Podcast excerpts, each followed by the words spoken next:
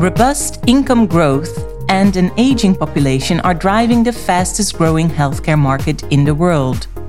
From vaccine development to innovative drugs and biotechnology, China's healthcare companies have been expanding rapidly, outpacing some of the world's leading industry players. My name is Marije Groen, and in this podcast, I talk with Chris Liu, Senior Portfolio Manager at Invesco Asia Pacific, about the opportunities that the Chinese healthcare industry offers to investors. Chris has over 17 years of experience in the asset management industry and over 10 years of experience in research and investment of China A shares. Joining us from China is Chris. Hi there, Chris. Welcome. Great to have you. Thank you. My pleasure to be here. Wonderful to have you.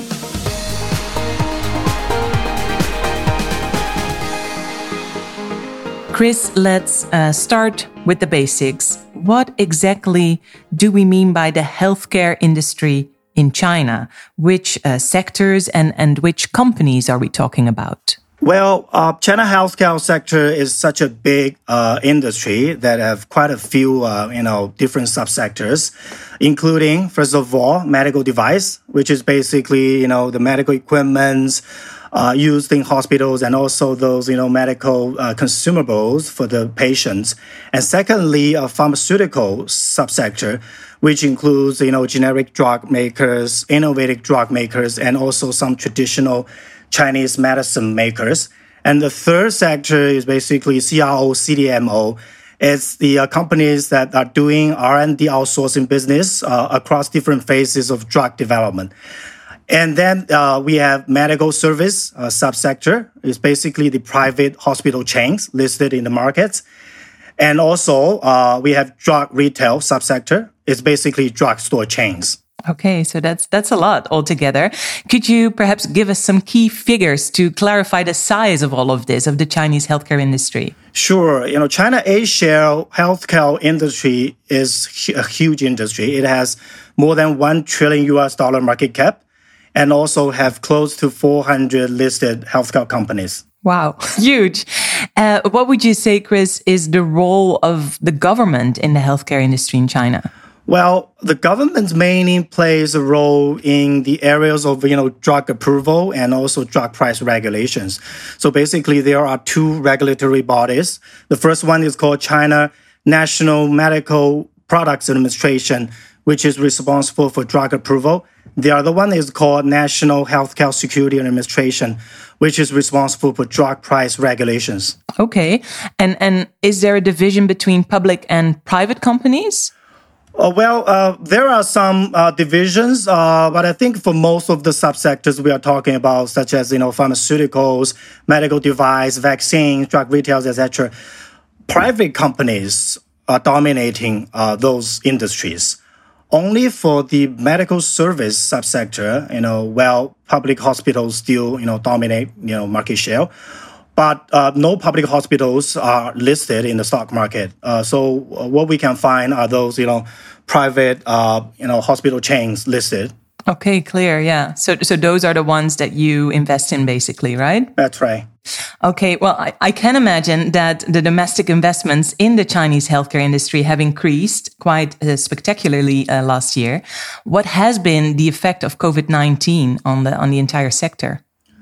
Yeah, obviously, COVID nineteen uh, have had uh, uh, you know big impact on, the farm, on the uh, healthcare sector in China.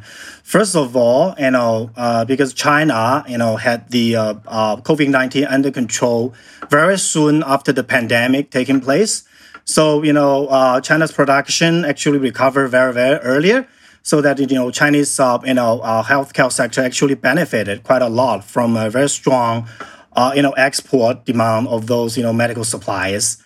And secondly, uh, we see that, you know, many uh, medical device companies in China actually benefited uh, strongly from a domestic COVID testing demand. And also, uh, the Chinese vaccine players also benefited uh, very strongly from recent massive, uh, you know, uh, COVID vaccination in China and also some of the exports of the COVID uh, vaccines to other countries as well. Right.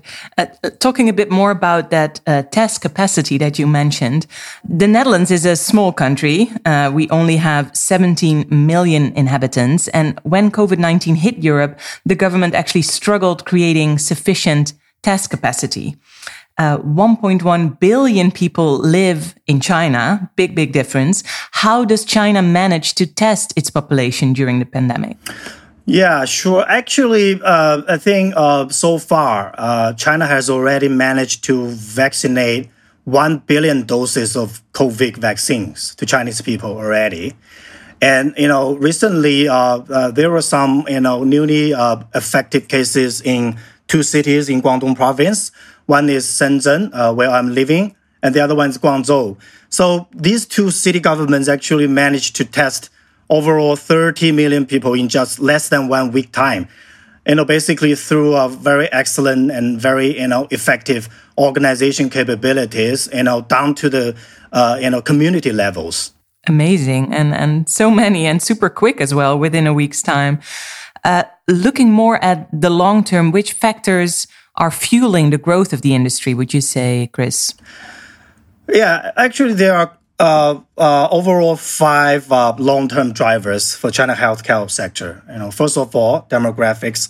As you might all know, that you know China has a huge population, you know, of 1.4 billion people, uh, which is aging very very fast, and we actually expect that by 2050 there are going to be more old people than young people in China. So that really, you know, bodes well for the demand for healthcare products and services. And second driver is the affordability, improved affordability.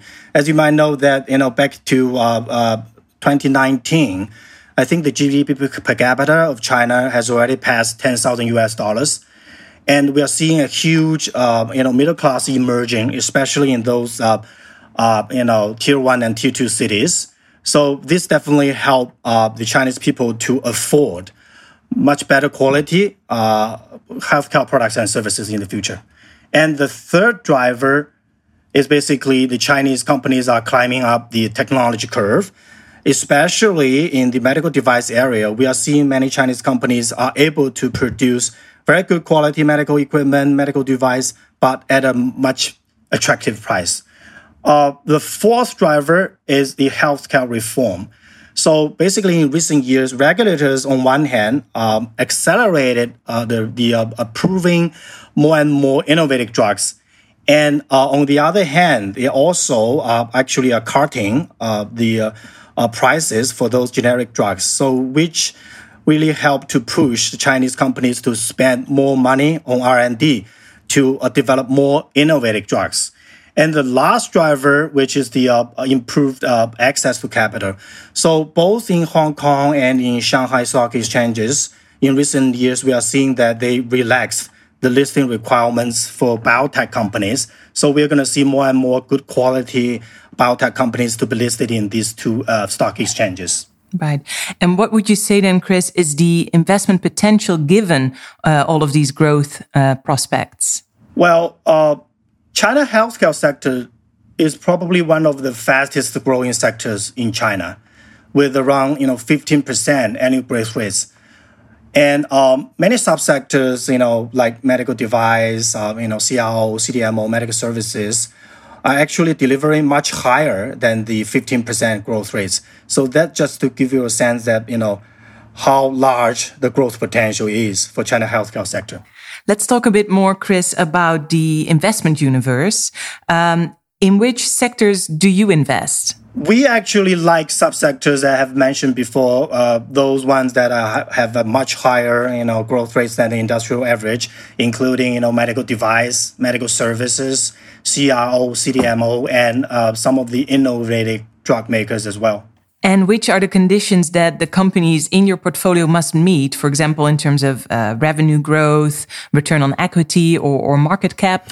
Of course, we are having a screening model to narrow down that investment universe. We are using parameters, you know, like ROE, uh, average revenue growth rates, etc. And, and also because Asia market is a very liquid market. So we are looking at all caps, including large cap, mid cap, and small caps. And perhaps maybe to illustrate that, could you share an example of how you come to the selection of a specific stock? Yes, actually, we are using a, a what we call a FVMC research model to do fundamental analysis on on, on all the stocks that they want to put into the portfolios. Um, you know, uh, the franchise value is basically the uh, you know competitive advantages we are looking for in different subsectors. For example, in, in the biotech subsectors. Uh, uh, the competitive advantages that we are looking for is the company's R&D capabilities.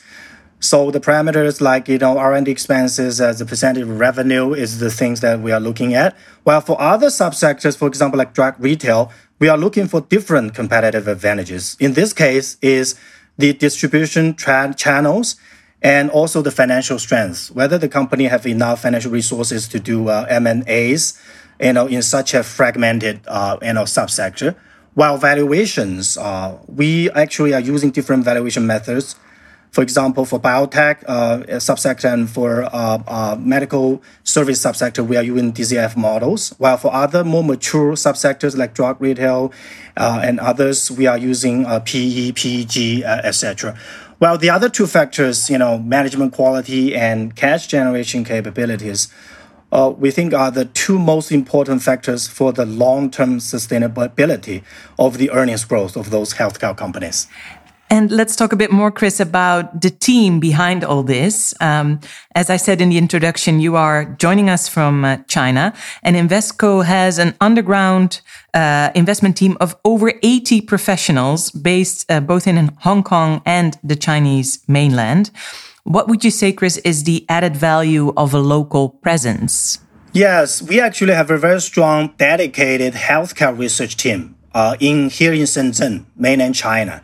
So uh, basically, they can you know uh, help us you know providing uh, very good on the ground insights on China healthcare sector, and also it's much more convenient for our research team to do company visits uh, to, to talk to the management, uh, company management in China. And and finally, a last topic of today is uh, ESG, of course, very hot topic. Uh, the attention for ESG has increased significantly among European investors in, in recent years. Um, at the same time, and I hope you don't mind me saying this, China does not have the best reputation when it comes to ESG. Doesn't that maybe threaten a negative impact on investor appetite for investments in the Chinese healthcare industry? Well, uh, I think uh, the Chinese regulators uh, in recent years actually have done quite a lot, you know, trying to improve the uh, ESG uh, situation, ESG disclosures of the listed companies. And, uh, and the recent, you know, government commitment on carbon neutrality also really shows uh, the determination to improve ESG issues in China. And for the China healthcare sector specifically, I think the ESG, uh, the E, the environmental issue is uh, much less important. So the main focus is on G and GNS, so uh, for some of the uh, upstream sectors, such as you know pharmaceutical, um, you know, and also some of the uh, medical device companies, uh, the bribery seems to be the biggest uh, you know uh, governance problem. But in recent years, the government has started you know reforms on public hospitals to actually separate the medical treatment from the drug sales. So and, and at the same time, also increase the you know medical treatment compensations for doctors to reduce the risk of you know taking bribes on, on drug sales. While on the those downstream sectors such as you know drug retails, including uh, you know some of the uh, newly listed online drug retails, uh, and also the uh, uh, healthcare service sectors, you know such as uh, you know those private hospital chains, data privacy is the main ESG issue for them. Um, but I think recently, you know, regulators also tightened up you know the regulations on, on, on those data privacy issues as well. Can, can you say a bit more on that on those data privacy issues? Yeah, basically, it's the you know the uh, uh, the patient's data you know will be you know installed in, right you know in those uh, you know their databases. For example, like those online uh, drug retail retailers, uh, they obviously will have some you know uh, data privacy issues over there. I think you know recently the Chinese regulators actually tightened up not only the uh, technology, those online technology platforms, but also uh, these uh, you know online uh, healthcare uh, companies as well. Okay, so both in terms of ESG as well as the data protection that you just mentioned, things are improving in China. That's right. Thank you very much for this conversation, Chris. Thank you. Thank you for listening to this podcast about the opportunities that the Chinese healthcare industry offers to investors. I would like to thank today's guest, Chris Liu, Senior Portfolio Manager, Invesco Asia Pacific, for his time and his insights. This podcast was offered to you by Invesco Management. For more podcasts, please visit the Fondsnieuws or Investment Officer websites, fondsnieuws.nl forward slash podcast or investmentofficer.be forward slash podcast.